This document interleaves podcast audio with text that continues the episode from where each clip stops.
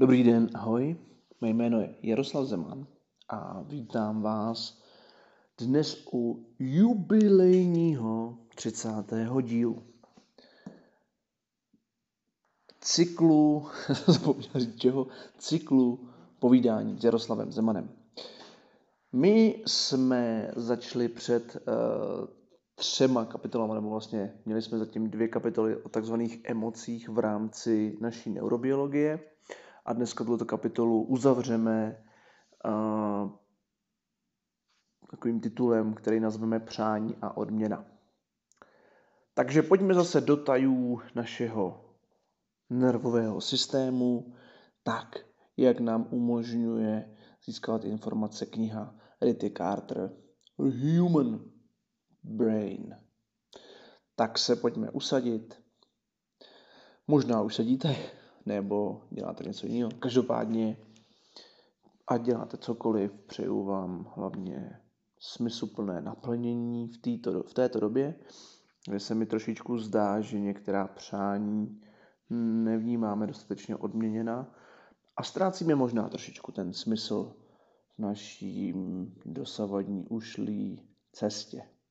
Ale možná je to moje sociální bublina v rámci toho, s kým se setkávám a kdo navštěvuje moji ordinaci. Přání a odměna. Dneska si teda povíme o touze, o složitým žalu, o honbě za požitkem a závislost, nebo o závislostech, od předvídání, anticipaci a zkusíme se to trošičku popsat. Měla by to být taková rychlá, úderná kapitolka. Je těžké přesně definovat přání. Snad je lze popsat jako touhu po něčem, o čem si myslíme, že nám přinese pocit slasti nebo uspokojení. V mozku existují okruhy struktur spojených se líbivými pocity. Touha po jídle a sexu je důležitá pro přežití, ale může působit i škodlivě, pokud se stane závislostí. Touha, jak zpívá jeden nejmenovaný zpěvák, je zázrak, kámo, zázrak, tak touha je složitý hnací motor, silně závislý na osobních zálibách. To znamená, ne vždycky je touha zázrak, u někoho bychom skoro tu touhu potřebovali tlumit. Skládá se ze dvou částí záliby a potřeby. V angličtině to bývá označované jako liking and wanting. Zjednodušeně záliba je spojena s líbivým pocitem, zatímco potřeba je okamžitá nutnost něco mít. Při některých činnostech, například jídle, spánku a sexuální aktivitě, se záliby a potřeby prolínají a výsledná touha je důležitá pro přežití. Jedinci, u, ně, u kterých však vzniká závislost, mohou chtít nebo potřebovat drogu, nebo třeba násilné činy a tak dále.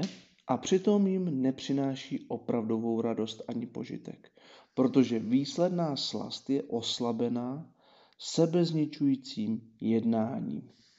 Zdá se, že záliby a potřeby sídlí v různých částech mozku, i když v obou případech je nejdůležitějším mediátorem dopamin. Podnět a odměna. Vnější a vnitřní podněty jsou zachycovány limbickým systémem, tvořícím pocity touhy, které jsou ovlivňovány mozkovou kůrou. Výsledná aktivita je posílána zpět do limbického systému, který vytváří libé pocity a pocity uspokojení. Takže pojďme si to představit. Bod číslo jedna si nazveme jako podnět. Může vycházet z vnějšku, například pohled na potravu, nebo zevnitř, například pohl, po, poklet, pokles hladiny glukózy v krvi. Druhým bodem bude nutkání. Přicházející podnět je veden do limbického systému, kde vytváří naléhavou potřebu. V tom limbickém systému, nebo ten limbický systém potom komunikuje s naší kůrou mozkovou v rámci přání. Nutkavý pocit je v kůře zachycen jako vědomá touha, která vybídne tělo k akci. To se potom vrací zpátky, to si nazveme třeba jaká akce, po pobídce z mozkové kůry tělo pracuje tak, aby dosáhlo toho, po čem touží. Takže to přání se mění v naše chování, v nějakou strategii a tak dále. Díky tomu potom, pokud teda dojde k tomu, čemu jsme chtěli, dochází k odměně. K informace o této aktivitě je znovu poslána do limbického systému, kde působí uvolnění mediátorů působících podobně jako opiáty. To je ta forma odměny a ukazuje se, že je třeba samozřejmě tu odměnu neustále měnit a že určitý neočekávání taky ty odměny může třeba zvýšit tu odměnu. Naopak, když tu odměnu dostáváme dlouho, tak potom si na ní zvykáme a už ta odměna není taková. Nebo dosahem ty odměny. Kůra. Uspokojení. Tyto mediátory, které jsme měli uvolněný v rámci těch, těch opiátů, zvyší hladinu cirkulujícího dopaminu a vyvolají pocit uspokojení. Tak jsme si trošku popsali tady zjednodušeně tu možnou kaskádu podnětu, akce a uspokojení. A pojďme si říct něco o složitým žalu. Ztráta milované osoby je krutá, ale většina lidí se s ní časem srovná. Pro 10 až 20% pozůstalých smutek trvá a označuje se přetrvá, jako přetrvávající smutná nálada. Při, jednom, při jedné magnetické rezonanci nebo funkční magnetické rezonanci tak v rámci studie se prokázalo, že u těchto lidí vzpomínky na zesnulé aktivují oblasti mozku spojené se zpracováváním odměny, požitku a závislosti. Skupina žen se dívala na obrázky a slova spojená s blízkou osobou, která zemřela na rakovinu prsu. Oblasti mozku spojené se sdílením bolesti se aktivovaly u všech žen, ale u těch, které trpěly přetrvávající smutnou náladou, se aktivoval i nucleus accumbens. To ukazuje, že velký žal je nějak spojen i s pocity libosti. No, těžký téma. V rámci toho, aby jsme si mohli nějak představit, tak se někdy ukazuje, že fakt se zacyklíme do toho žalu a vlastně nemůžeme z něj výjít ven. Náš mozek si ho začne s ním jakoby i odměňovat. Což celý zacyklí ten neskutečný děj prožívání.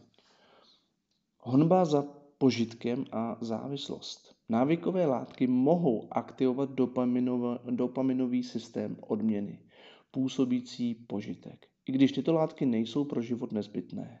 Chronické užívání drog vede k utlumení systému odměny a k potřebě stále zvyšovat dávku pro dosažení stejného účinku. Opioidní systém je zapojen do úlevy od bolesti a úzkosti. Heroin a morfium se vážou na opioidní receptory a vytváří tak pocit dobré nálady, takzvaná euforie. Cholinergní okruhy, kde působí nikotin, jsou zapojeny do procesu učení a paměti. Kokain působí na receptory pro noradrenalin, které jsou zapojeny ve stresové reakci a úzkosti. A v některých kulturách je kouření považováno za velice společenskou záležitost. Jako pomínáme si, že to bylo v rámci nikotinu a cigaret, tak to bylo i v naší kultuře. Dlouhodobé požívání návykových látek vede ke vzrůstající závislosti, k chování spojenému s jejich vyhledáváním a k problémům s odvykáváním. Předvídání, anticipace. Učení a paměť hrají určitou důležitou roli v tvorbě našich přání a zálib. To vede k možnosti předvídat, co bude očekávanou odměnou.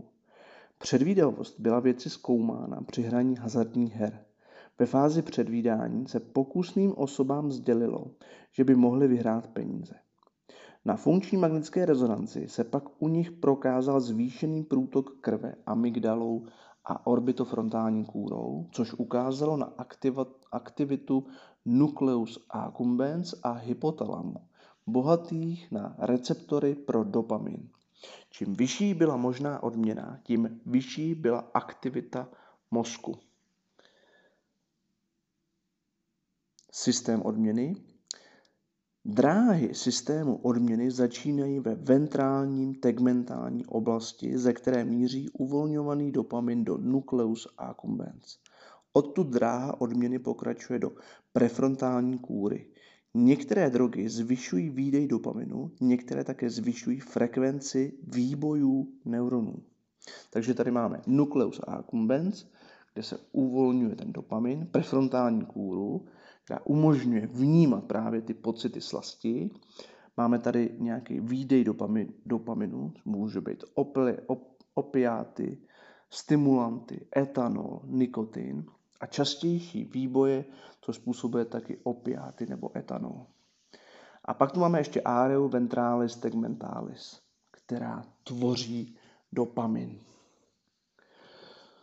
Touha po, zvruš, po vzrušení. Zrušující nebo nebezpečné zážitky mohou velmi zvýšit množství adrenalinu a dopaminu v mozkových okruzích. To nás může vést k vyhledávání těchto aktivit, při nichž si lehce navodíme silný pocit slasti, například při extrémních adrenalinových sportech nebo při jízdě na horské dráze. Tak jo, zmínili jsme si teda dneska přání a odměnu a já bych dneska takovou naší poslední kapitolu v rámci emocí chtěl tímto ukončit a příště se můžeme těšit na další kapitolu, která se bude zabývat sociálním mozkem. Tímto se s vámi dnes loučí Jaroslav Zeman a přeje vám hezký den.